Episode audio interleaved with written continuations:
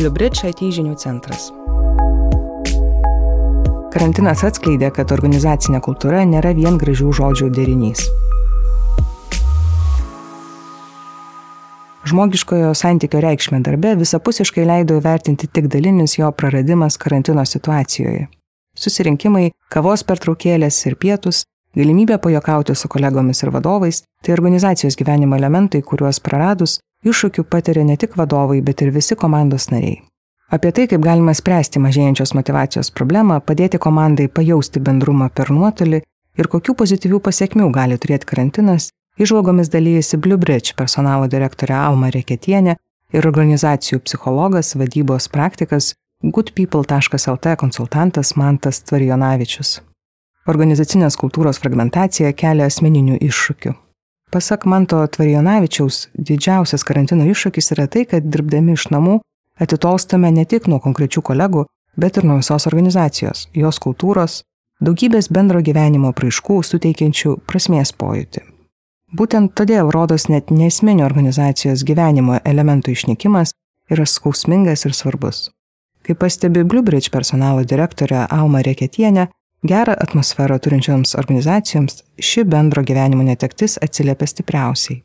Pavyzdžiui, karantinas aiškiai parodė, kad mūsų organizaciniai kultūrai buvo labai svarbus fizinis kontaktas. Bendravimo lengvumas juokas ir apskritai Bluebridge kultūra, kurią pastebėdavo net pirmą kartą į mūsų biurą užsukę svečiai, gimdavo būtent dėl energijos, kurią kūrė visa komanda. Tam pasikeitus darbo procesas iš esmės nepakito, tačiau atsirado daugiau nuovargio, sumažėjo bendrumo jausmas, kuris suteikia galimybę momentaliai apsikeisti informaciją. Kaip paaiškina Mantas Tvarjonavičius, žmogiškojo kontakto stygius ir iš to kylantis vienišumo jausmas gali lemti mažėjančią motivaciją ir net perdėgymą. Mūsų pastangų darbo prasmei dėl vienišumo jausmo pamažu blėstant gali apimti apatija bei giškumas. Dažnas darbuotojas gali pasvarstyti ir apie darbo keitimą. Kita vertus, ne tie, kurie jaučiasi gerai, gali patirti pervargimą. Ši pasiekmė kyla iš gerų ketinimų. Dauguma žmonių nori naudos ir savo, ir savo organizacijai. Tačiau visai šeimai dirbant vienoje erdvėje, į darbus įsiterpia kiti rūpešiai ir prasideda uždaras ratas. Atsikelia anksčiau, darbas užbaigia vėliau, išsimušia iš darbo ir polisio režimo. Iš pradžių krenta produktivumas, vėliau gali atsirasti kur kas rimtesnių problemų kas gali padėti gražinti priklausimo jausmą ir sumažinti įtampą. Nepaisant karantino iššūkių psichologiniai sveikatai, priemonių arsenalas, kurį gali panaudoti organizacijos, nėra menkas. Be to, karantinas jau leido sukaupti patirtį ir imtis sisteminių priemonių, padedančių kolektyvui jaustis šiek tiek geriau. Kaip tokios patirties pavyzdį, Mantas Tvarionavičius pateikė virtualius susirinkimus. Dauguma organizacijų pajuto poreikį efektyviau valdyti susirinkimų laiką. Dažnai siekiame ne tik apriboti jų trukmę iki pusvalandžio, bet ir užtikrinti laiką be susitikimų, pavyzdžiui, tam skirti penktadienį. Tarp Palmos reketienės minimų priemonių, kurios leidžia Bluebridge komandai išlikti produktyviai, ne tik bendrai mėnesiniai visos įmonės susirinkimai apie tai, kaip įmoniai sekasi, kas įvyko ir kas laukia, bet ir komandiniai žingsniavimo iššūkiai, rekomendacijos įsidėti į darbo kalendorių laiką poilsio ir trumpai mankštai. Taip pat specialistų paskaitos ir net asmenybės bruožų tyrimai, kurie leidžia geriau pažinti kolegas iš psichologinės pusės. Dar viena švelnioji priemonė - rytiniai ir vakariniai komandų susirinkimai, kurių metu pasidalėjame užduotimis ir išvengiama įtampos dėl neiškių lūkesčių ir krūvio pasiskirstimo. Nemažai įtampos iš tiesų kyla būtent dėl neiškių lūkesčių ir nežinomybės, todėl itin svarbus tikslų aiškumas, sako Mantas Turionavičius. Aiškus rodikliai, kurių reikia pasiekti, suteikia darbuotojams daugiau laisvės valdyti savo laiką ir pasiekti tikslų. Žinoma, visada buvo vadovų orientuotų arba į procesą, arba rezultatą, bet karantino situacijoje, kai vyksta aklas vadovavimas, vis dėlto laimi vadovai, gebantis kontroliuoti būtent rezultatą. Karantino situacijoje ir po jos svarbu vaidmenį vaidins ir vadovo sugebėjimas išlikti konstruktyviam, kai reikia pranešti darbuotojams apie nemalonius pokyčius, pavyzdžiui, prastėjančius finansinius rezultatus, atleidimus ir panašiai. Sunkumo akivaizdoje vadovui svarbu nepasiduoti panikai, nes tai kerta per lyderystę taip stipriai, kad vėliau ją prikelti gali būti sunku. Antra vertus, tikrųjų jausmų slėpimas, realybės neigimas, pavyzdžiui, svarbių pokyčių nuvertinimas ir apsimestinis optimizmas pavaldinių gali būti matomas kaip tam tikras nedekvatumas, perspėjo organizacijų psichologas.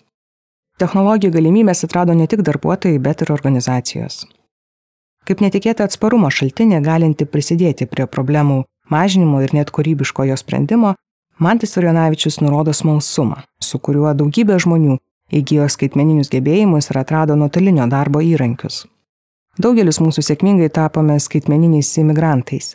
Praėjo tik šiek tiek daugiau nei metai, o šiandien dauguma moko ne tik įsijungti bendradarbiavimo programą ir kamerą, bet ir išnaudojo kitas galimybės - nuo virtualių apklausų iki nuotolinio darbo nedidelėmis grupelėmis.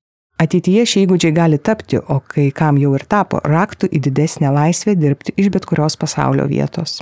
Skaitmeninius įrankius atrado ir organizacijos, o tai kai kuriais atvejais net svarbiau nei pavienių darbuotojų sugebėjimas dirbti virtualiai, pastebi Alma Reketienė. Hybridinį darbo modelį galima laikyti viena iš teigiamų karantino pasiekmių. Karantinas ir darbuotojams, ir vadovams leido įsitikinti, kad galima kuo puikiausiai dirbti ne savo darbo vietoje, ir kai kada tai net sutaupo laiko.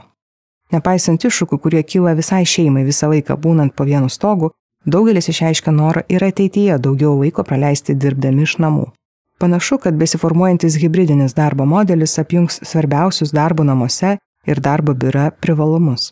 Tai darbuotojams leis turėti lankstesnės sąlygas, geresnį asmeninio ir profesinio gyvenimo balansą, o organizacijoms labiau motivuotus ir darbų patenkintus darbuotojus vardyje Bluebridge personalo direktorė.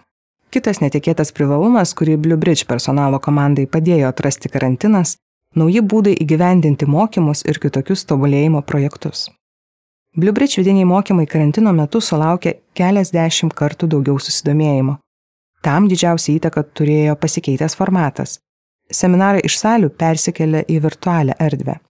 Jų įrašą darbuotojai gali peržiūrėti ir vėliau jiems patogiu metu. Kadangi pokytis išties įspūdingas ir po karantino planuojame pasilikti prie skaitmeninių seminarų formato ir tokiu būdu užtikrinti geresnės tobulėjimo sąlygas kolektyvui, komentuoja Alma Reketienė. Jūs girdėjote Blue Bridge IT žinių centro straipsnį. Daugiau verslui ir IT bendruomenė aktualios informacijos, eksperto įžvalgų, klientų sėkmės istorijų ir IT sprendimo apžvalgų rasite BlueBridge svetainėje adresu bluebridge.lt pasvirasis brūkšnys IT žinių centras.